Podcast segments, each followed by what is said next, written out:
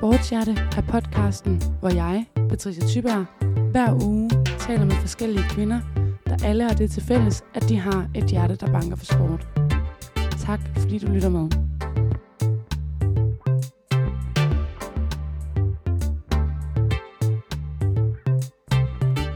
Det afsnit, du skal til at lytte til nu, er med Amalie Bremer. Hun er 20-dobbelt verdensmester i bordfodbold. Hun er fodboldekspert, og så er hun vært på Kvindefodboldpodcasten. Vi vender i det her afsnit de danske fodboldkvinders VM i Australien. Vi taler om vilkårene i kvindefodbold, eller mangel på samme, og så drøfter vi, hvordan kvindefodbold i fremtiden bør dækkes af medierne. Og så fortæller Amalie også sjove historier om sin nichehobby bordfodbold, og altså, jeg vidste faktisk ikke, at det var noget, man kunne dyrke på det niveau. Jeg kender kun bordfodbold fra frikvartererne på gymnasiet. Vi vil selvfølgelig også have vendt hele den her skandale om præsidenten for Spaniens fodboldforbund, Rubiales, der kyssede Jennifer Hermoso efter VM-finalen. Men eftersom det ikke var sket på daværende tidspunkt, da afsnittet blev optaget, så er det desværre ikke noget, vi kunne tale om her. Men Amalie, hun har mange kommentarer til det. Tjek hendes Instagram ud og bliv klogere på skandalen der. Jeg håber, at du har glædet dig til ugens afsnit. Det kommer her.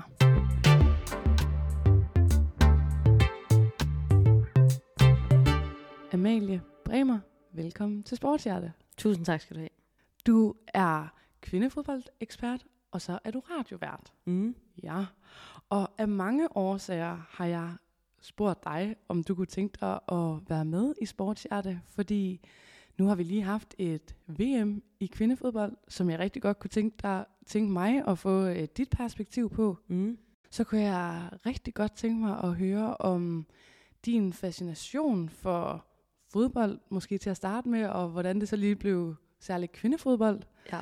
Øhm, og så er det noget med, at du har vundet VM i bordfodbold. Ja. Er det, kan jeg ikke korrekt? rigtig løbe fra. Jo, det, Det er for korrekt. sindssygt. Jeg glæder mig til at høre meget mere om det hele. Men jeg tænker, at vi skal starte med din fascination for fodbold. Mm. Hvor var det, at den kom fra? Jamen, jeg tror egentlig, at den er kommet øh, helt fra min barndom. Altså, jeg har en, øh, en far især. Min mor interesserer sig ikke for sport, men min far interesserer sig for alt muligt sport, øh, og har selv spillet. Og, og da jeg så blev født, og mine forældre stadigvæk var unge, så skulle min far jo også stadigvæk ud og spille øh, fodbold. Så jeg har også nogle billeder af mig selv med blærøv, hvor jeg står ude på sidelinjen med en bold, der går mig til op over knæene og ligesom står derude og glor jo formentlig ind på nogle unge mænd, der spiller fodbold, og selv går og triller med en bold, og, og, øh, og det har bare hængt ved. Altså, jeg, øh, jeg er en person, der godt kan lide øh, at konkurrere, øh, og jeg kan godt lide det der øh, element af, af sport, som, som giver en masse spænding. Jeg kan også godt lide at være sammen med andre mennesker, øh, hvor fodbold jo som holdsport er et fantastisk sted at, at møde andre folk, og ja, udfolde sig fysisk, men også socialt. Øh, og det har jeg gjort ja, hele mit liv. Altså, jeg startede med at, at spille fodbold i en klub, som ja, måske 6-årig, 7-årig, et eller andet, som, som lille pige. Øh, og, og så spillede jeg i, i rigtig, rigtig mange år, indtil jeg blev teenager, og så stod over for det der valg, som jeg tænker, mange vil kunne ikke genkende til som, som teenager, og skulle vælge mellem at gå all in på den sport, man elsker, og i nogle tilfælde måske også er dygtig til, øhm, og så på den anden side skulle måske starte i gymnasiet og finde ud af, om man vil bruge noget tid på at drikke øl med sine nye klassekammerater, eller bruge alle sine weekender på at tage til Jørgen og spille fodbold, eller hvad det nu end kan være. Øhm, så, så der lagde jeg sådan lidt fodbolden på hylden der. Der valgte jeg så... Der valgte jeg, Bayern i stedet for. Ja, det, det gjorde jeg jo nok lidt. Øhm, og det kommer vi sikkert også tilbage til, øh, tror jeg, sådan i bagklogskabens lys, hvorfor jeg tror, jeg synes, at det virkede på den lange bane mere givetigt at koncentrere sig om min skole og mine sociale relationer frem for en, nu siger jeg, gå så en karriere i kvindefodbold, fordi det er meget langt fra sikkert, at jeg havde blevet til noget i kvindefodbold overhovedet, men jeg, jeg, jeg var jo relativt dygtig på den alderstrin, jeg nu engang var. Øh, men på det tidspunkt var der jo ikke rigtig en vej, man kunne se for sig som pige og ung kvinde i fodbold. Øhm, på en anden måde, end der er nu i hvert fald, hvor vi er kommet meget længere. Så det tror jeg det er helt klart også, når jeg kigger tilbage på det og sådan efterrationaliserer, at det var en del af, at jeg valgte en anden vej, end at gå videre med fodbold. At det ligesom virkede på en måde, jeg vil ikke sige meningsløst, men sådan lidt, hvad skulle det egentlig blive til alligevel? Altså, så kunne jeg bruge al min tid på at blive super, super god til fodbold, men alligevel ville jeg bare skulle gå i skole og tage en uddannelse og få et arbejde på den anden side, fordi man kunne jo ikke blive professionel fodboldspiller som pige. Det kunne man jo selvfølgelig godt, hvis man var rigtig dygtig, men det var måske også en del af, at jeg tænkte, jeg er måske ikke lige den top 1 procent, der så øh, når det i sidste ende. Nej, så fremtiden som sådan kvindelig professionel fodboldspiller, det var ikke sådan noget, man tænkte, der var en seriøs fremtid i, eller en, øh, en økonomisk god fremtid i, eller, eller hvordan Nej, altså, og, og, og nu skal jeg jo også, jeg, jeg vil jo ikke tale mig selv ind i som værende sådan, hvis jeg var blevet ved, så var jeg bare blevet den næste Pernille Harder, fordi det var jeg 100% sikkert ikke, det er også vigtigt for mig at understrege. Øhm, men jeg tror jo, at, at når man så kender til sådan en historie som Pernille Hart, eller Nadia Nadim, eller Sanne Troelskov, eller hvem nu er dem, vi kender i dag, som har gået til det med en helt anden øh, seriøsitet og en ekstrem stedighed omkring at vil selvom det kun sker for en ud af jeg ved ikke hvor mange tusind. Øh, så, så det kræver jo virkelig en eller anden mental styrke og stedighed, som sagt, som, som jeg i hvert fald ikke besad. Øh, og det er, også, det er også en af grundene til, at jeg sådan har engageret mig i kvindefodbold nu, øh, som voksen, det er, at jeg synes, det er ekstremt meningsfyldt at se øh, den vej, altså, eller i hvert fald være med til at skubbe på, for at dem, som kommer efter en, kan se den vej for sig frem i livet. Altså at det både for små piger, ligesom det er for små drenge, er en drøm at blive professionel fodboldspiller. Altså en drøm, der er mulig, øh, hvis man gør sig umage nok, kan man sige. Ja, fordi du stopper jo så med at spille fodbold her, Ja. som du siger. Og øh, jeg ved, at du ligesom har lavet nogle ting siden da, øhm, på grund af din store begejstring for fodbold, mm. Og særligt kvindefodbold. Men begynder du, da du stopper med at spille fodbold, og sådan, så se det mere, eller øh, dyrke det mere sådan, netop udefra? Mm. Jamen helt klart, jeg tror, at hele mit liv har jeg været, har, har fodbold spillet en rolle i mit liv på den ene eller den anden måde. Og så er jeg jo så gået hen til at blive fodboldfan. Så har jeg været, nu er jeg her fra København, så det var nærliggende at gå i parken, så jeg har set rigtig meget FC København, øh, og set rigtig meget international fodbold og fulgt med på den måde. Og det var jo også fordi, øh, altså som, som jeg er så fra 88, så det har jo været på et eller andet tidspunkt i, i starten af nullerne, at jeg har været der som teenager. Øh, der kigger man jo også efter nogle forbilleder øh, inden for det, man nu engang laver. Og der havde jeg jo ikke øh, umiddelbart nogle kvindelige forbilleder i fodbold. Altså, øh, det var svært at komme til at se det danske landshold spille. Der var ikke rigtig nogen sådan store klubhold, der var nemme at følge med i dansk kvindefodbold. Så mine idoler, når jeg løb rundt nede i gården, eller ude på, på fodboldbanen, eller hvor den var, så var det jo David Beckham, eller Edgar Davids, eller nogle af de der herrefodboldspillere, fordi det var ligesom dem, man kunne spejle sig i som, øh, som pige. Så, så i lang tid, så var herrefodbolden faktisk det, jeg sådan egentlig brugte min tid på, fordi det var ligesom det, man blev præsenteret for, eller som, som jeg blev præsenteret for. Og det skal ikke lyde sådan, at du ved, man bare læner sig tilbage og så siger, "Ej, jeg kunne ikke have fundet ud af det selv, fordi jeg kunne sikkert godt have gjort mig rigtig, rigtig umage for at komme ud og se noget mere kvindefodbold. Men jeg tror, at alle ved jo, at, at det at blive eksponeret for herrefodbold, i hvert fald også i de år, det var noget, noget nemmere, ikke? Og noget mere tilgængeligt. Så, så kom herrefodbolden til at fylde rigtig meget for mig, og gjorde det i rigtig mange år, indtil jeg... Øh, vi skal nok helt frem til 2017 i virkeligheden, hvor at Danmark jo var med ved EM i Holland, som der sikkert er, er nogle danske sportsfans, der kan huske, øh, med Pernille Harder og Nadia Nadim, der brød igennem, og vi fik den her sølvmedalje ved EM. Og det blev ligesom vist på DR1, og der bredte sig jo en kæmpe folkestemning omkring det danske kvindelandshold, i hvert fald for første gang, som jeg kan huske. Øh, og der fik jeg på en eller anden måde sådan, jeg kunne lige pludselig mærke, selvom jeg havde hygget mig rigtig meget med at se herrefodbold, så kunne jeg bare lige pludselig mærke, og der var jeg jo blevet voksen, så det var også sådan lidt, øh, så jeg var sådan, gud, det er jo, øh, altså, hvor er det fantastisk at se nogen, der ligner en selv, løbe rundt og udleve deres drøm og være fantastiske atleter og være øh, fantastisk dygtige til det, de gør, brænde for det øh, og, og lykkedes. Øh, så det, det, det, det var egentlig en, en, en ret vild oplevelse på mange måder, det der med lige pludselig, at så var det kvinder, man kunne se. Øh, og det, det gjorde ligesom, at jeg fik på en eller anden måde sådan genantændt den her øh, interesse for, for kvindedelen af fodbolden også. Og siden da, så har jeg prøvet at... Ja, så har jeg selvfølgelig fulgt med i det, og så har jeg også gjort det til en del af mit arbejdsliv øh, ved at lave ja, podcast og, og dække, og også være engageret i fankultur omkring kvindefodbold og det danske kvindelandshold. Så der laver jeg lidt forskelligt der. Ja, Ja. og det må du også meget gerne uddybe, fordi efter at det så, mås- altså du får øjnene op for kvindefodbold, og det er sådan, du mærker, at det resonerer Mm. i dig på en anden måde, end når du måske sidder og ser herrefodbold, Ja. så, så bliver du alligevel sådan, okay, du vil gerne gøre noget i forhold til at få sådan skabt en bevægelse omkring kvindefodbold. Ja. Og hvad er det, du gør her? Ja, Øh, først vil jeg sige, måske tror jeg, jeg fik sagt 2007 omkring EM. Det var selvfølgelig 2017, vi vinder Jeg sølv. tror, du sagde 17. Sagde jeg 17? Okay, ja, godt det mener jeg. Nå, det er det godt, mener det er jeg, du godt. sagde. Ja, det er godt. 2007 har fyldt så meget for mig, fordi det var sidste gang, vi var med til VM, så det er Ah. derfor, der, der er to årstal der, der kan blive blandet rundt. Men det var i 2017 selvfølgelig. Yes. Øh, nå, øh, jamen altså, i, øh, jeg laver det radioprogram, der hedder Missionen på Radio 4, og der øh, har vi hver dag en mission, et eller andet, vi prøver at, at kaste os over. Og i september for, ja det er jo så snart to år siden, der gik det op for os, øh, jeg laver det sammen med Tony Scott, han er min medvært, og han er også øh, fodboldfan, og også engageret i kvindefodbold. Øhm, og, og der, øh, der gik det op for os, at der ikke rigtig var noget sådan organiseret øh, forum, man kan kalde det fanklub, medlemsforening omkring det danske kvindelandshold.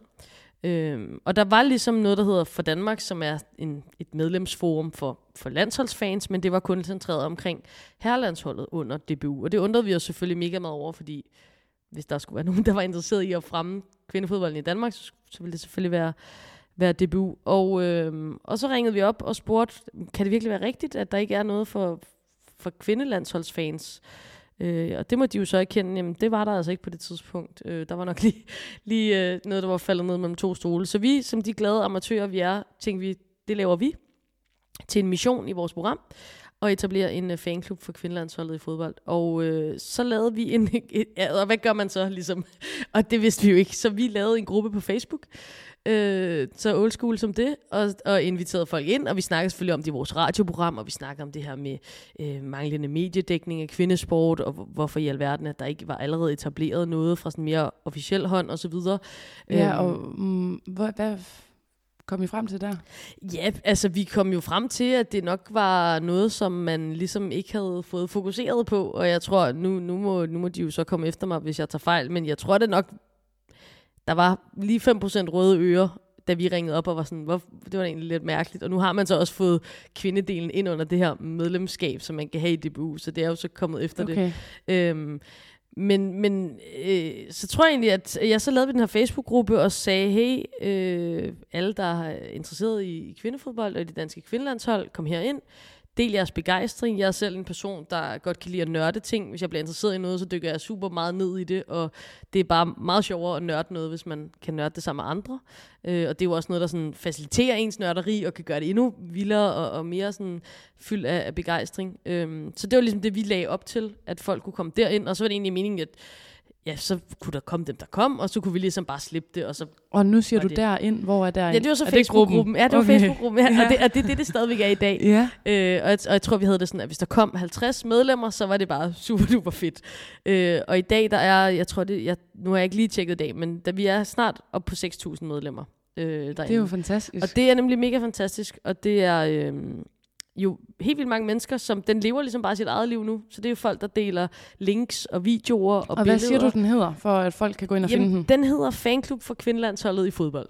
Check. Yes, øh, så hvis man er interesseret, og det er, det er jo bare øh, mere information om kvindelandsholdet. Hvis man er nysgerrig på kvindefodbold og det danske kvindelandshold, så kan man gå derind, så anbefaler folk øh, kampe, små dokumentarfilm, podcasts, øh, hey, har I set det her? Nu er der det her rygte om den her spiller, der skal skifte klub. Altså, det er alt muligt forskelligt, og det er bare et community, som lever af de mennesker, der er derinde. Ja. Øh, og det er, altså det vil jeg sige, jeg har mange glæder i mit liv, men det er en af de større glæder, vil jeg sige, at se det spire på en eller anden måde. Øh, og det, det øh, altså også det der med, at det kan leve ud i den virkelige verden. Og så skriver folk derinde, hej, vi er nogen, der mødes her på den her bar og ser Champions League-finale i København. Kom ned, og så sidder der lige pludselig nogle mennesker der og ser det sammen.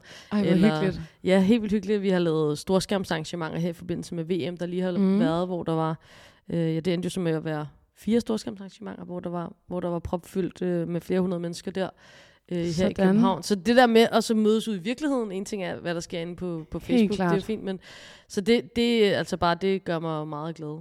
Øh, Ja. Og stolt også, sammen med mine kollegaer, at vi har lavet det øh, på en eller anden måde. Fordi det, det var tydeligvis noget, der manglede. Ja, Øh, absolut. og nu, Godt ja, nu lever også. det ligesom bare sit eget liv med alle de ja. gode mennesker derinde. Så det, det, det er super sjovt og fedt. Fordi der, altså, der har jeg alligevel været forud, vil jeg sige. Altså, fordi det, det er jo først nu, føler jeg, sådan virkelig, at det begynder at få noget gennemslagskraft mm. I forhold til, øh, okay, er der nogle ting, der måske skal ændres her, eller Mm.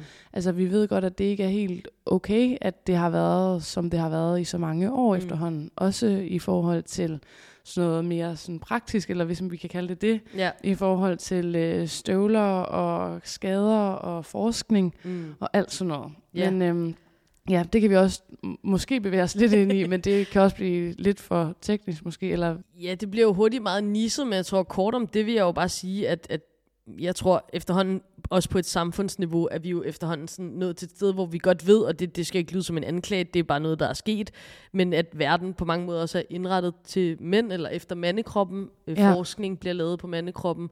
Stø- Støvler bliver designet til mandekroppen, og kvindekroppen, ved man nu, er ikke bare en lille udgave af mandekroppen, nej. øh, som man jo har tænkt i mange år. Ja. Og, og det, der er vi også ved at komme med. Altså en ting er de rammer, der skal til, økonomiske rammer. De skal selvfølgelig have nogle ordentlige trænere, fysioterapeuter, læger og alle de her ting. Ja.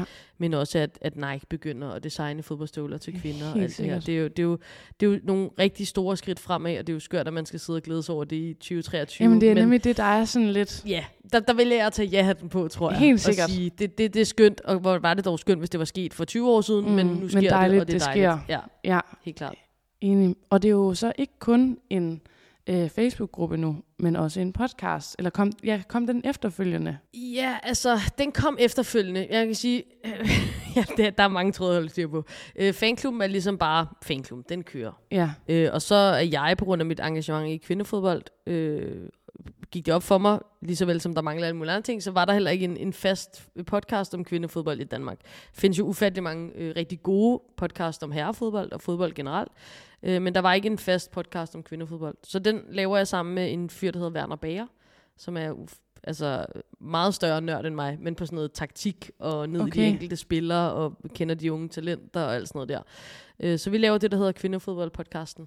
Hvor Ja. vi, ja, den er jo i virkeligheden ligesom sikkert mange af dine lyttere vil kende helt almindelige i går så en fodboldpodcast, der snakker om, hvad der skete de sidste par uger i den og den liga, og med landsholdet og sådan nogle her ting. Og så har vi altid et interview med en landsholdsspiller, sådan et længere portrætinterview, hvor vi kommer lidt tættere på, for, fordi det er jo også noget af det, som jeg tror, jeg som fan synes, der har manglet, at vi, vi får den der dækning, hvor vi også lærer de her mennesker at kende, og de er jo altså helt ekstremt fascinerende, ja. øh, de her fodboldspillere, kvindelige fodboldspillere, fordi Og hvor, ja, hvorfor? Jamen, det er de fordi, at de jo er, øh, og det kan komme til at lyde, jeg vil prøve at forklare det på den bedst mulige måde, jeg kan, men de er jo øh, tvunget til også at være noget andet end fodboldspillere.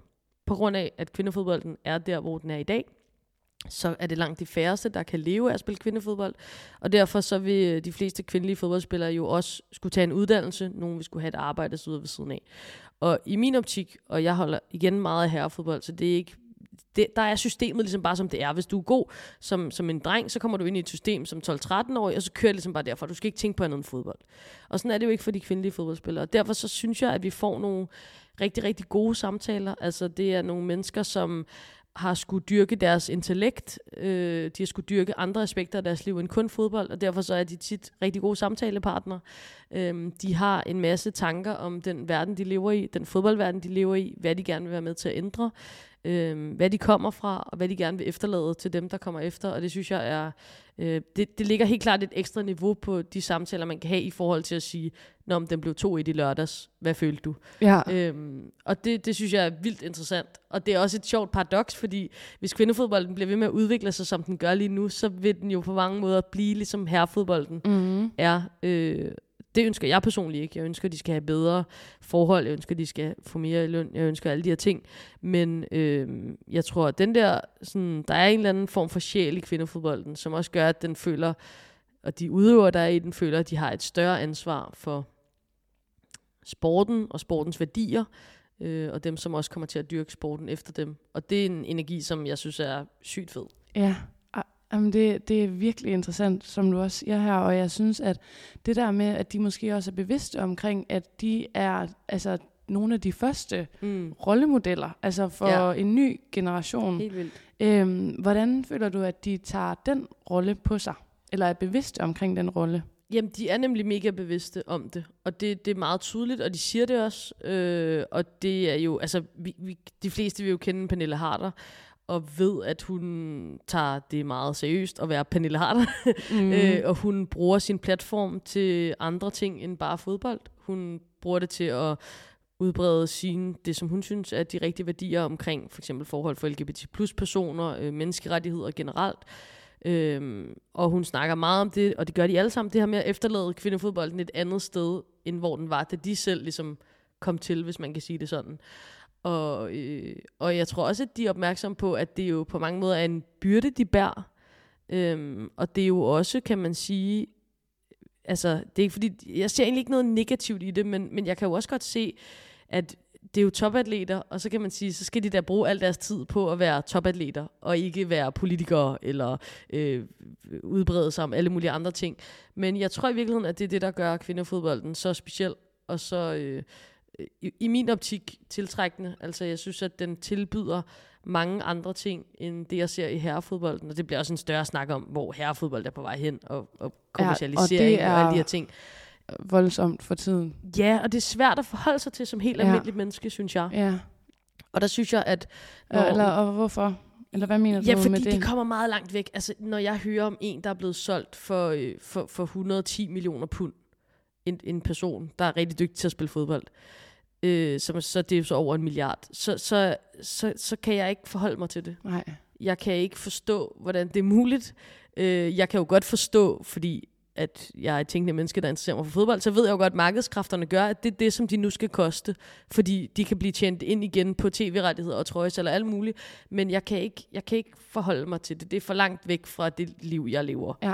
Øh, og jeg synes, at det er forkert, at en billet til en fodboldkamp i Premier League for mændene skal koste over 1000 kroner, sådan så en, helt almindelig familie ikke kan komme ind og se det. Altså jeg synes, at fodbolden på mange måder bevæger sig væk fra dem, som den er til for, som er helt almindelige Folket. mennesker. Ja, folk. Ja. Øh, og der er kvindefodbolden jo et helt andet sted. Og igen, det, det skal ikke virke sådan, at det ene er godt, og det andet er dårligt. Jeg siger bare, at det tilbyder nogle forskellige ting. Øh, og det, som kvindefodbolden tilbyder mest af alt, det er tilgængelighed, som jeg ser det. Altså, Ja. der er kort vej fra fans til spillere.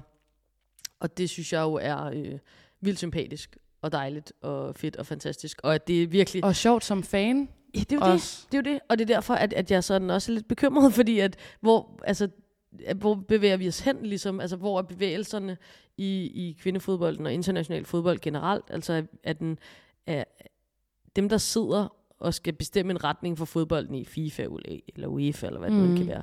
Hvad er de ligesom interesseret i?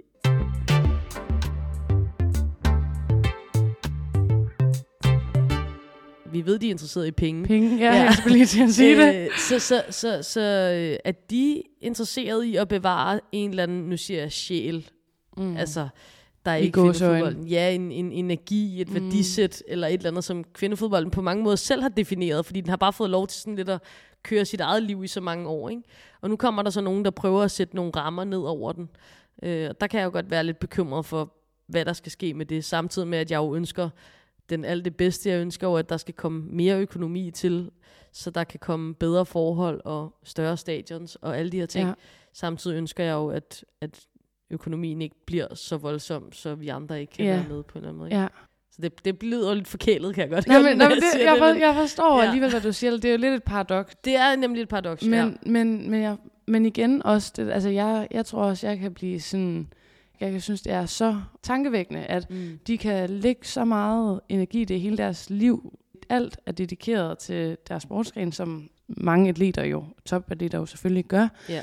Men, men at det er også på det niveau, altså så højt et niveau, og så de alligevel ikke sådan har den kommercielle værdi, som, altså de kommer ikke i nærheden Mm. nogensinde Mm. af, hvad, hvad mænd har. Nej, og, og, og det er jo igen, altså... Igen tror jeg, man, man må bare også huske på, at kvindefodbolden er jo øh, altså på mange måder blevet, nu bruger jeg ordet saboteret, men det, vil, det synes, og det kan lyde lidt voldsomt, men det vil jeg egentlig til dels holde fast i. Altså, det var ulovligt for kvinder at spille fodbold i England helt frem til starten af 70'erne. Altså ulovligt for Ulovligt? kvinder at spille fodbold. Der var det her øh, women's football ban i, i England i rigtig, rigtig mange år. Okay, øh, hold op. kvindefodbold kom først med under debut i Danmark i midten af 70'erne, efter at Danmark havde vundet VM. Jeg gentager, vi har vundet VM to gange i starten af 70'erne, med et hold, som ikke var under DBU, fordi DBU ville ikke røre kvindefodbold med en ildtang, så det var bare et hold fra en klub, der hed BK Femina, der tog afsted til Mexico og spillede VM-finale i 71 foran over 100.000 mennesker og vandt øh, over Mexico i finalen. Øhm, så kvindefodbolden er jo på mange måder blevet holdt tilbage i sin udvikling, øhm, og først nu i nyere tid kommet med ind under de systemer, som jo er med til at fremme fodbolden. Og, allerede, og heller, heller ikke der har den jo fremmet kvindefodbolden på samme måde, som den har fremmet herrefodbolden. Og nu bliver det meget sådan et feministisk kampskrift. Det var heller ikke meningen. Det var bare for os at, at, at give en, en helt sådan savlig forklaring på, hvorfor det er, at kvindefodbolden på mange måder er i går så en bagud i forhold til herrefodbolden i sin udvikling. Øhm, og, øh, og, og, og derfor så, så tror jeg også bare, man må sige, det, det kommer til, til den tid, det kommer. Altså lige nu, der er kvindefodbold den største, øh, hurtigst voksende sportsgren i verden. Øhm, det går ekstremt stærkt i forhold til den kommercialisering, der rammer kvindefodbolden lige nu. Øh. Øh, ja, på hvilken måde øh, måler man sådan en vækst? Altså, at Jamen, det er jo på, på, på rigtig mange forskellige parametre. Øh, tilskuertal, øh, billetsalg på stadions, øh, sponsorater, øh, hvor mange mennesker, der dyrker det, også på græsrodsniveau osv. Så, videre. så der er rigtig mange forskellige parametre, når man skal gå ind og måle sådan noget. Og der er kvindefodbold virkelig på vej frem. Og nu startede du med at sige, at der lige har været VM i Australien og New Zealand, som jo også har været det største VM nogensinde øh, i kvindefodbold. Det var stort i 2019, der var man sådan, wow, i 2019 i Frankrig, det var kæmpestort. Og det her, det har bare smadret alle de rekorder i forhold til mennesker på stadion, tv-seere, øh, hvad hedder det, øh, præmiepenge, alle de her ting. Så det bliver bare større og større hele tiden. Og det er jeg jo glad for, at du siger, fordi jeg må sige, med det VM, der lige er rullet, øh, for Danmark i hvert fald, Ja. øh, så, øh, så synes jeg, at det er gået lidt forbi vores næser. Ja, Altså, det, har, det er jo det hemmelige VM. det er det hemmelige VM. og altså Ja. sådan, ja, altså jeg tror, man kunne spørge folk på gaden, og der vil være flere, der ikke vidste, at det er foregået. Helt klart, det tror du har ret i. Der synes jeg jo, at at der må være ligge et ansvar et sted for at altså, få øh, brandet, eller hvad Ja. hedder det, sådan, for, Ja. eller hvad, hvad kalder vi det i den her sammenhæng, eller Ja, få gjort folk bevidste Ja, 100%. omkring, at, at det foregår. mm. Øhm, fordi ellers så vil der aldrig kunne opstå den der folkestemning, eller så opstår den ud af det blå, fordi alle lige pludselig læser Ja. i nyhederne, at hey, de klarer sig egentlig godt, og Mm. okay, nu, nu følger vi med. Ja. Øhm, men, men det er, det, det er bare, jeg synes, det er tankevækkende et eller andet sted, at det ikke får et større fokus. Mm. Fordi så, så er det også svært at give det en større tilslutning.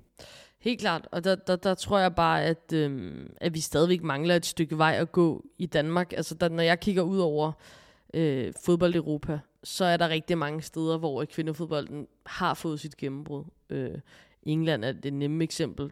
Der er det virkelig stukket af. De vandt også EM på hjemmebane sidste år, så det er klart, det giver jo et gigaboost. Ikke? Øhm, Tyskland er langt fremme, øh, Frankrig, Spanien osv. Øhm, og og der, er vi, der er vi lidt længere tilbage her i Danmark, og jeg, jeg har virkelig svært ved at svare på, hvorfor egentlig. Øhm, fordi vi er jo også et land, der bryster os af at, at have en, en ja, ligestilling, øh, diversitet, alle de her ting. Øh, og, og jeg tror sådan set heller ikke, det er, fordi der er nogen, der har siddet og besluttet sig for, at nu gider vi ikke at og, eller nu, nu, nu kan vi ikke lide kvinder, og derfor vil vi skjule det. Altså sådan er det jo overhovedet ikke. Men der er bare nogle, nogle forskellige parametre på spil, tror jeg, som gør, at det på en eller anden måde ikke har fået det boost, som, som de kunne have fået her i Danmark. Og så er vi jo også et, et mindre land, mm. hvor Mhm. at, at vi ligesom, så vinder Jonas Vingegaard Tour de France, og så er vi alle sammen inde på Rådhuspladsen. Ja, ja, ja. Og i 2017, da de fik sølv ved EM, så var der også rigtig mange mennesker inde på Rådhuspladsen. Så, så det kræver jo også de der, ligesom peaks på en eller anden måde, øh, peak-resultater, for at vi, vi alle sammen kommer med, ikke? Men, men jeg ville da også ønske, at der var mere. Jeg ville ønske, der var mere mediedækning. Jeg ville ønske, at, at DBU og klubberne øh, investerede mere i kvindefodbolden osv., fordi jeg tror også, vi er et sted lige nu i kvindefodboldens udvikling, hvor at man skal komme ombord på toget, hvis man vil være med. Øh, fordi der er rigtig mange andre lande, der investerer rigtig meget i kvindefodbold lige nu, fordi de har fundet ud af, det er altså, øh, der er et stort økonomisk potentiale i det her. ja. Og Øhm. hvem er det så, der skal ombord på toget? Jamen, det er jo som sagt, altså jeg ser tre ben for mig der. Jeg synes, øh, det handler om mediedækning. Jeg synes, det handler om DBU som den øverste fodboldorganisation i Danmark, og synes jeg, det handler om de danske fodboldklubber. Øh, dem vi også kender fra Superligaen, altså FCK er jo først ved at etablere et kvindehold nu. Det er jo i sig selv skørt. Øh, FC Midtjylland har ikke noget kvindehold. OB er først lige kommet med. Øh, Silkeborg er lige kommet med. Så, så der er jo nogle af de der klubber, hvor de skal selvfølgelig være med til at drive det fremad. Øh, og det skal de jo ikke gøre for deres blå øjens skyld, øh, eller fordi det er et eller andet ligestillingsprojekt. Det skal de jo også gøre, fordi at de identificerer, at der er et økonomisk potentiale i kvindefodbold. Og det er jo det, der er så skønt, når man brænder for kvindefodbold, som jeg gør, at det er, det er efterhånden ikke noget, man behøver at diskutere længere, om mm. der er et økonomisk potentiale i kvindefodbold. Det er øh, bevist, det er undersøgt. Øh, det handler bare om, hvordan man ligesom vil forvalte den information, ja. at der er et økonomisk potentiale i kvindefodbold. Ja. ja.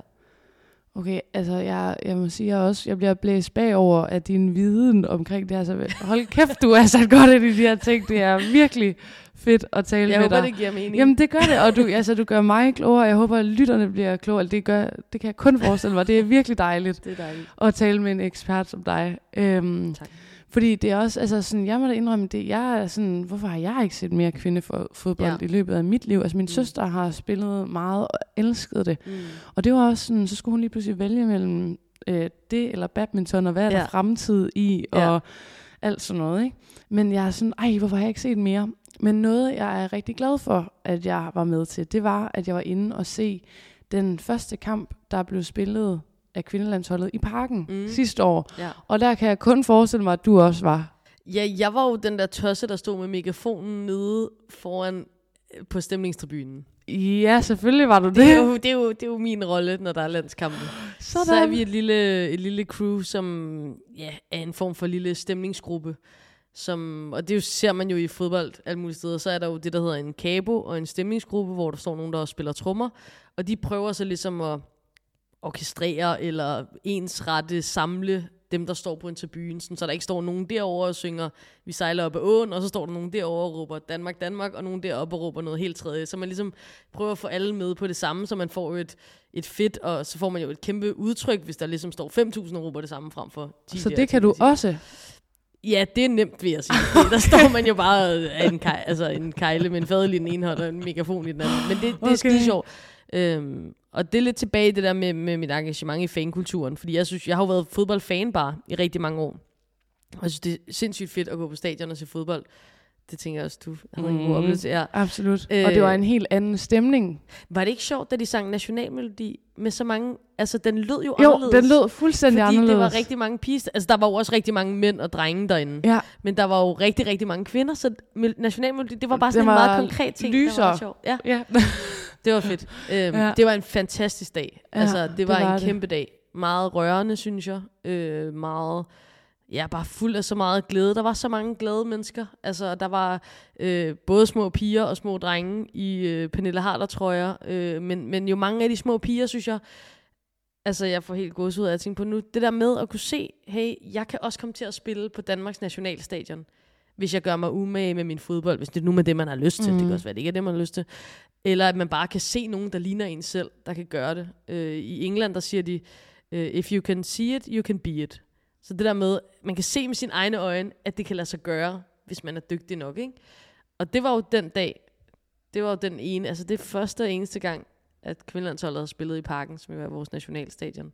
Det var Forhåbentlig ikke ja, sidste. Nej, det skal det ikke være. Men det var, hold op, var det en god dag. Det var det virkelig. Ja. Men vi skal tilbage til det her VM. Ja. Fordi det har du fuldt på tæt. Hold. Det må man sige, ja. Ja, ja. og det har jeg desværre ikke. Altså, jeg har fulgt med lidt på afstand på ferie, mm. og har mm. set sådan en halv kamp her og en halv kamp der og sådan noget. Ja. Men altså, hvis du lige får til opgave nu at give os en opsummering på Danmarks VM, hvad ja. vil du så hive frem? Øh, jeg vil hive frem, at jeg synes, vi spillede til par. Vi spillede... Hvad, og hvad betyder det? Ja, altså ligesom i golf, du ved, hvis man Nå, slår... Altså okay, den ja, ja. banen er til tre, par tre, og så slår man tre. Så det var ligesom forventet, okay. man kan sige det sådan. Yes. Ja. Øh, så, så øh, ja, altså det var... Danmark ville gerne videre fra gruppen, og vi kom videre fra gruppen, og så røg vi desværre ud. Øh, og, og, det, og det var egentlig... Altså, jamen, hvordan, skal man, hvordan fanden skal man opsummere det? Det, det? det var fantastisk. Vi var med ved VM for første gang siden 2007. Så det er ikke hver dag, Danmark er med til et VM i kvindefodbold. Så det, det er jo bare i sig selv mega fedt. Øhm, men der manglede jo øh, noget... Øhm, der manglede noget mere. Der manglede nogle flere danske mål. Der manglede noget mere magi. Der manglede noget mere, altså noget jeg kan jo dårligt sige X-Factor uden, det lyder så kikset, men du forstår, hvad jeg mener. ja. Altså, øh, vi spillede ligesom, vi vandt 1-0 over Kina i en kamp, hvor Danmark spillede af helvedeste. Så tabte vi 1-0 til England. Øh, og det er, det, det, det er godt, mm. fordi England er super er dygtige. sindssygt gode. Ja. Og så vandt vi så 2-0 over Haiti i den sidste kamp, øh, hvor Danmark spiller udmærket, men det var også lidt bøvlet. Øh, Øh, og så taber vi så desværre 2-0 til Australien og ryger ud af 8. finalen. Og det var også, der var vi også underdog, så det var ikke fordi, men der spillede Danmark faktisk en god kamp, men fik ikke scoret ligesom, fik ikke noget ud af det her overtag, vi havde bolden mest og så videre. Så, så det er sådan lidt en ambivalent følelse på en eller anden måde. Altså, jeg tror, de fleste vil sige, hvis vi gik videre fra gruppen, så var det sgu godt nok at være med blandt de sidste 16. Altså, det er jo, det er jo ret sejt at hold for Danmarks størrelse, ikke? eller et, et land af Danmarks størrelse. Men øh, jeg tror, vi manglede måske også, når nu du snakker om den der lidt manglende begejstring, eller sådan at få lidt flere med på en eller anden måde, så tror jeg også, der manglede lidt mere sprudlende spil på mange måder. Altså, der Ja. manglede måske noget, noget mere underholdning. Øhm, og det, ja, det er jo bare som det er. Altså, de spiller jo ikke fodbold for at gøre mig glad. De spiller jo for at vinde. Så, så fair play, fair play til dem. øhm, men, men altså, og jeg, det var vidunderligt. Altså, det, det var fantastisk at se Danmark til VM. Øh, Ja.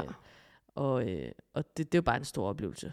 Øhm, det var ærgerligt med den sidste kamp der mod Australien. Der spiller de foran 75.000 mennesker på det olympiske stadion i Sydney, fordi Australien jo så er på hjemmebane. Og de er ekstremt populære, det australske kvindelandshold. Øh, så det var jo en kæmpe kamp, og det var fedt at se det danske landshold spille På, på et en kæmpe scene. stadion foran 75.000 mennesker. Ja. Øh, Vildt optur.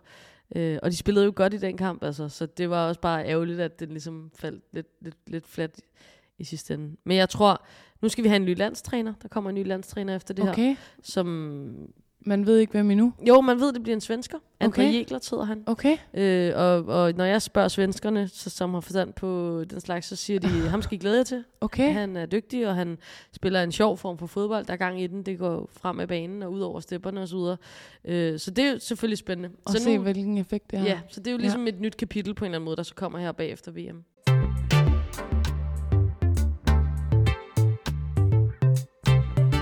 Og ellers så, hvad er der i vente på fodboldscenen det næste stykke tid? Jamen, det, det er faktisk lige om lidt, de skal i gang igen. Der starter det, der hedder Nations League, som nogen måske vil kende fra mændene. Øhm, det kommer til kvinderne for første gang nu her. Så de skal spille allerede den 22. september igen, kvindelandsholdet. Og ellers så er det jo bare, altså så sker der bare så meget i kvindefodbold. Øh, så er der jo, altså alle vores landsholdsspillere spiller jo i alle mulige klubber rundt omkring i Europa. Mange spiller i den engelske øh, Women's Super League, som er i min optik den sjoveste liga at følge med i. Har du Øh, et yndlingshold? Jeg er Arsenal-fan. Ja. Ja, øh, jeg synes, at øh, Arsenal har nogle vildt fede profiler. Har vi ikke lige fået en dansk kvinde til Arsenal for ikke sådan vildt lang tid siden? Katrine Kyl. Ja, Yes, vores unge stjerneskud, diamanten på det danske kvindelandshold. Ja.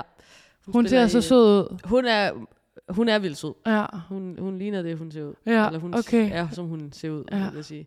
Øhm, hun er mega sej og mega dygtig, og hun spiller i Arsenal. Og det er et fedt hold og en fed klub, der tager kvindefodbold seriøst. Sejt. Øh, så dem kan jeg godt lide.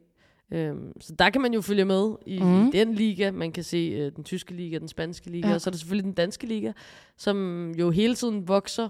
Øh, men vi er også lidt i den der venteposition lige nu, hvor vi venter på, at FCK kommer i gang, og ligesom også yes. trækker nogle af de andre med op øh, på en eller anden måde. Der mangler helt klart sådan... Der mangler at blive rystet posen en lille smule i den danske liga, så det tror jeg sådan forhåbentlig vil komme med de her lidt større Ja. klubber, som kommer med ind over. Øhm, så der, der er jo masser at glæde sig til. Ja, der er EM i, i 2025, og ja. Lige rundt om hjørnet. Det er det. Der er fodbold, altså, min kæreste vil også skrive under på, der er fodbold hele tiden. Ja, Så, det tror jeg, det, er der helt sikkert. ja. Og der, eller jeg skal faktisk ind og se fodbold senere i dag, men det er så ikke kvinderne. Men jeg skal, Du skal se parken. øh, FCK Det skal OB. Er det rigtigt? Ja. Yes. Sådan. Ja. Ej, hvor hyggeligt. Ja. Men hey, hey, hey, hey, hey. Det var rigtig godt lige at få vendt VM meget hurtigt. Ja. Øh, men vi skal også vinde, øh, vinde dit VM i bordfodbold. Ah, ja. ja. Ja. Fordi det finder jeg ud af i går, Ja. at du har vundet VM i bordfodbold. Ja. Ja, der vil jeg jo sige øh, til alle lyttere, hvis du gerne vil blive verdensmester i noget, så find noget, der er underligt. Fordi så er der kortere vej hen til det. Det var det, jeg Smart. ligesom gjorde med bordfodbold. Ej, øh, ja, ja, altså jeg har, jamen jeg ved ikke, hvordan jeg skal forklare det. så det er jo bare en weird hobby. Jeg spillede meget bordfodbold i gymnasiet. øh, det viser, at jeg var ret god til det. Der var en, der spillede i klub, der spurgte... "Vil du Hvordan er man god til klub?" bordfodbold? Ja, man har en god hånd-øje-koordination, tror jeg, og nogle... øh, Ja, altså, jeg, jeg, det er svært at forklare. Det er et godt spørgsmål. Det har jeg aldrig fået før, tror jeg. Hvordan er man god? Ja, det ved jeg ikke. Altså, og så spillede jeg bare, spillede, spillede, spillede, spillede mega meget, og så var det bare med, så mødte jeg en masse fede mennesker, som blev mine venner, og så var vi bare sådan en gruppe på en 10-15 stykker, som alle sammen læste, og så havde vi god tid. Øh, og så pakkede vi os ned i en, bil, en minibus, og så har vi bare kørt til alle mulige turneringer rundt omkring i Europa. Jeg havde i Kina og spille, i USA og spille, alle mulige steder. Øh, så det brugte jeg lige 10-15 år på, og spillede en masse og vandt en masse turneringer. også. 15 år? Ja, jeg spillede re- ret længe. 10 år spillede jeg nok på sådan højeste niveau-agtigt. Altså, men det er jo, man, men, man Men- kan jo ikke leve af det eller noget som helst. Nej, det er nej. jo bare en total hobby. Ja. Men, men hvordan vinder man VM? Altså, hvor var det, og hvordan foregik det? Og, ja, altså, jeg har vundet VM nogle gange. Nogle gange? Ja, øh, men det er også fordi, det fungerer sådan ligesom, du skal forestille dig ligesom i tennis, hvor der er en World Tour, og så er der så en Grand Slam på hvert underlag, som ligesom er en form for VM, kan man sige. Ja. Wimbledon er det mest prestigefyldte på græs, French Open det mest prestigefyldte på grus osv. Grus. Og der er det er lidt det samme i bordfodbold, fordi der er fem forskellige bordtyper, Okay. og så er der ligesom en World Series, som kan svare til en Grand Slam på hvert bordtype. en af de fem. Ja, præcis. Ja, Ja. Og det vil så også sige, at man kan vinde ret mange VM-titler, hvis man er god på flere forskellige borer. Plus der jo så igen er single, double, mixed double, holdturneringer osv. Så, så det kan ret hurtigt ligesom tælle op, hvis man er on a roll, og måske den bedste i nogle år. Ja. Bare for at sige, Ja. det lyder mere imponerende, end det er, når jeg siger, at jeg har vundet over 20 verdensmesterskaber. Men stadig spændende. Ja. Altså, Det er meget spændende. Det, det er en dejlig hobby. Den har jeg fået meget, mange gode ting ud af. Pri- og har du spillet alene venner. så? Altså single, ja, både eller hvad? single og double har jeg Og spillet meget. Ja. Okay. Og hvor var... Altså, når du siger, du har vundet 20. ja, så det har været mange forskellige steder. Øh, men primært har jeg spillet på det franske bord, som nogen vil kende med sådan med en korkbold, var der i gamle dage. Ja. Øh, sådan træagtigt bord. Øh, og det er mest i Frankrig. Så jeg har mest spillet i Frankrig, og så har jeg spillet rigtig meget i Tyskland også. Og spiller også på et tysk Bundesliga-hold. De har sådan en stor liga-system. Og hvor mange stiller op? Øh, ja, hvor mange stiller op? Altså, der er vel tusind spillere eller sådan noget til sådan nogle forskellige. Men det er også forskelligt. Okay. Men så er det jo bare, det er jo åbent for alle, så det er jo ikke noget, man skal Nej, kvalificere nej. sig til eller noget. Så enhver øh, nede fra bodegaen kan jo komme ind. Ja. Men så er det meget sådan, de, de vil meget gerne gøre det meget sådan sportsagtigt. Og det okay. er jo ikke specielt sportsagtigt. Altså, det er det jo ikke. Øh, men det er sådan noget med, at man skal have sportstøj på, og man må i hvert fald ikke drikke øl, og jeg er da også blevet dopingtestet en gang. Og sådan Det er noget, løgn! Jo, det er rigtigt, ja. Nej, hvor fedt. Ja, så random, altså hvor man er sådan lidt, come on guys. Men det er jo sikkert, fordi der er nogen, der står og ryger på ude foran, eller Ja, et eller andet. ja, ja, ja. Hvad ved jeg. Ja. Men øh, ja, så står man en eller anden hal, et eller andet sted nede i Frankrig eller Tyskland, med en masse, masse andre nørder, og fyrer den af i en weekend, og så kører man hjem igen. Og så, hvor mange kampe har du spillet, før du har vundet? Mange. Altså, så spiller man måske, øh, hvis man spiller en single-turnering, spiller man måske syv kvalifikationskampe, og så måske otte knockout-kampe eller sådan noget. Så bliver det 15 kampe i en, i en turnering. Okay. I, ligesom en. Men så spiller du så, du, du vil typisk spille en del kategorier på en weekend, fordi du både spiller single og double, og mixed double. Altså, jeg spiller så dame single, dame double, mixed double, og så typisk også for kvindelandsholdet. Så er der sådan en holdturnering. Så det klarer man hele på den samme weekend. Så man spiller fra 9 om morgenen til 12 om aftenen i tre dage i træk. Hvad? Ja, så man får spillet en del, en del på fodbold. ja. Hvordan har dine håndled det, og hænder det ja, efter sådan altså en omgang? man øh, kan godt øh, slide sin hud af her på sit håndled. Ja. Øh, det kommer meget ind på, hvilken spillestil man bruger. Det bliver også meget teknisk. Men øh, med nogle spillestil, der slider man meget på sin håndled. Okay. Øh, så der har jeg da haft vabler sådan. Ellers er det meget sådan, altså, så er man jo bare ens ryg, altså fordi man har stået op Ja. i lang tid. og Sådan noget, ikke? Men Linden altså, og sådan noget. Ja, linden, den er jo helt skidt. Ikke? Nu er jeg ikke så høj heldigvis, så det er ikke, men altså nogle af de der mænd, der står, Og bukker sig godt ja, ind over det er jo sin ikke bord. så rart. Nej. Ej. Og så spiller man til hvad? Altså, Jamen, så spiller man øh, fem tid, sæt til fem. eller? Nej, okay. Ja, fem, fem fem sæt sæt til til fem. Ja. Ja, okay. Ja. Sindssygt. Ja, så er det meget, altså det er jo meget ligesom i alt muligt andet sport, ikke? Altså, så fyrer man, ja, så det, ja. Ja, okay. altså, du sidder jo med en kasket på. Ja. Som er, der er to mænd, der spiller fodbold, ligner det. Ja, Ja. Og så har du en t-shirt, hvor det ligner en kvinde, der spiller tennis eller sådan noget. jamen det er faktisk, oh, nu skal jeg lige komme hen til, det her, det er jo Chloe Kelly, som er øh, en spiller på det engelske kvindelandshold, som scorer det afgørende mål ved EM-finalen sidste år foran 90.000 mennesker på Wembley, og tager sin trøje af, Nå, det er det. og så svinger hun den, så hun løber i sports BH. Det er derfor, det ligner en catcher i hendes hånd. eller sådan noget, ikke? Ah, yes. Så det er ligesom hende, den, der er et vildt fedt billede. Hun løber der og svinger sin t-shirt i sports BH. Øh, og short selvfølgelig. Øhm, og det er så bare blevet broderet på en t-shirt, som jeg købte, fordi jeg synes, det var sjovt. Og så har du selv fået det broderet? Nej, nej, det, det er sådan et firma. Nå, en, okay. en hjemmeside. Nu ved jeg ikke, om man må sidde og plukke her. Jamen, den hedder Art of Football. De Ja. laver nogle fede ting. Og kasketten fra det samme? Også fra Art of Football. Sådan. Øhm, jeg er ikke Har du altid Art of noget? Det er faktisk og det var faktisk, altså måske, det er også lidt weird at have to fodbold gen, beklædningsgenstande på. Ikke når du det skal ind og tale om fodbold i Nej, dag, jo. jeg kom, også, jeg kom meget sent ud af døren i morges, så det var bare den kasket, der ligesom hang der. Haps. Men øh, ja, så, øh, så ja, men øh, Chloe Kelly, altså, der, øh, jeg synes jo det, jeg kan godt lide øh, gode jubelscener i, øh, i sport. Og hvordan er kvinderne på dem? Jamen, det er lidt blandet. Altså, øh, det, det bliver bedre og bedre, også fordi der kommer flere og flere mennesker ind, så det ligesom er nogen at juble for. Så det er jo det noget er sjovere, ikke? afgørende. Ja, øh, så jeg vil sige Sam Kerr, der er øh, med ved VM lige nu, øh, og den kæmpe store stjerne i Australien. Hun laver jo flikflak og sådan noget. Øh, og hun kan også finde på at tage sin trøje af, ligesom, fordi det ser man jo tit med mændene, så tager de jo Det nogle er deres trøje af, så er de i vaskebræt. Øh, men kvinderne gør det også, du ved, så tit så tager de den rundt som sådan en, jeg ved ikke, man kan jo forestille at man står til fest, og står man sådan og Ja, svinger ja. et eller andet, en skjorte eller sådan noget. Og det gør de også. Det ser altid sådan lidt øh, Og flikflak er mega sejt. mega sejt. Ja, så de, de Det- bliver bedre og bedre til det, vil jeg sige. Okay. Det er meget cool. Ja. ja. Sådan. Ja. Tusind tak, Amalie, for alt, du har bidraget med i dag. øh, og jeg synes, det er så fedt, at vi begge to skal slutte dagen af med ind og Ja. se fodbold Det glæder mig også meget i, til. øh, ja, i det her tegn, fodboldens tegn. Øhm, men øhm, vil du lige her afrundingsvis komme Mm. med et råd til de bankende sportshjerter, der lytter med? Ja, og det synes jeg jo var svært, faktisk.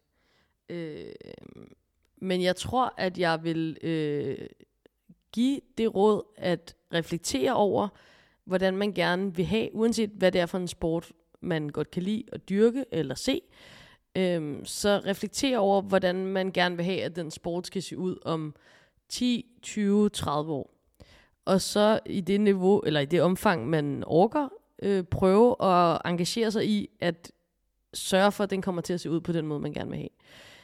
Øh, fordi noget af det, som jeg også beskæftiger mig med, det er jo som sagt det her med fankultur, det er, hvor at fodbolden bevæger sig hen, altså bevæger den sig væk fra os almindelige mennesker, eller bevæger den sig tættere på. Øh, får vi nogle kvindelige forbilleder, som de små piger kan se op til, får vi nogle gode mandlige forbilleder, som de små drenge kan se op til, og jo også på kryds og tværs, det skal jo ikke være sådan. Mm. Øhm, og der tror jeg bare, at man som fan kan gøre rigtig meget ved bare at gøre sig nogle tanker om, hvad man synes, der er vigtigt. Altså, hvad er det for nogle værdier, hvad er det for et væsen, øh, man gerne vil have i den sport, man nu kan lide, uanset om det er tennis eller badminton eller fodbold. Hvorfor var det, man forelskede sig i lige præcis den sportsgren? Øhm, og så prøve at det kan godt være, at man ikke kan gøre noget, men så kan man i det mindste uddanne sig selv på en eller anden måde ved at sætte sig ind i, hvad der skal til for, at dem, som kommer efter dig, der lytter med, også får de samme forbilleder, eller har mulighed for at dyrke den samme kærlighed til den sport, som du nu engang rigtig godt kan lide. Det var et virkelig godt råd. Jeg ved Og- ikke, om det føles lidt som lektier. Det var Nej. ikke meningen. Nej, jeg synes, det er virkelig fedt. Og, øh, og det skiller sig bestemt ud fra øh, nogle af de tidligere, som jeg- vi har fået herinde. Så tusind tak for det. Og det var netop sådan meget håndgribeligt at gå til, føler Okay. jeg. Og så Ja. selvfølgelig altid spille bordfodbold. Og spille bordfodbold. Ja. Sådan. Tusind tak, fordi du havde, ville have lyst til at være med. Og jeg har en lille gave til dig, Ja. fordi du har været med. Så skal du have sådan en her sportshjertekop. Ej, hvor dejligt. Den er jeg meget glad for. Den har du gemt godt dernede Ja, på stolen. Det er mit hemmelige sted til Ja. dig. Ej, den er jeg meget glad for, og jeg er meget glad for, at jeg måtte være med. Jamen, det var en fornøjelse, og god kamp senere. I lige måde. Tak.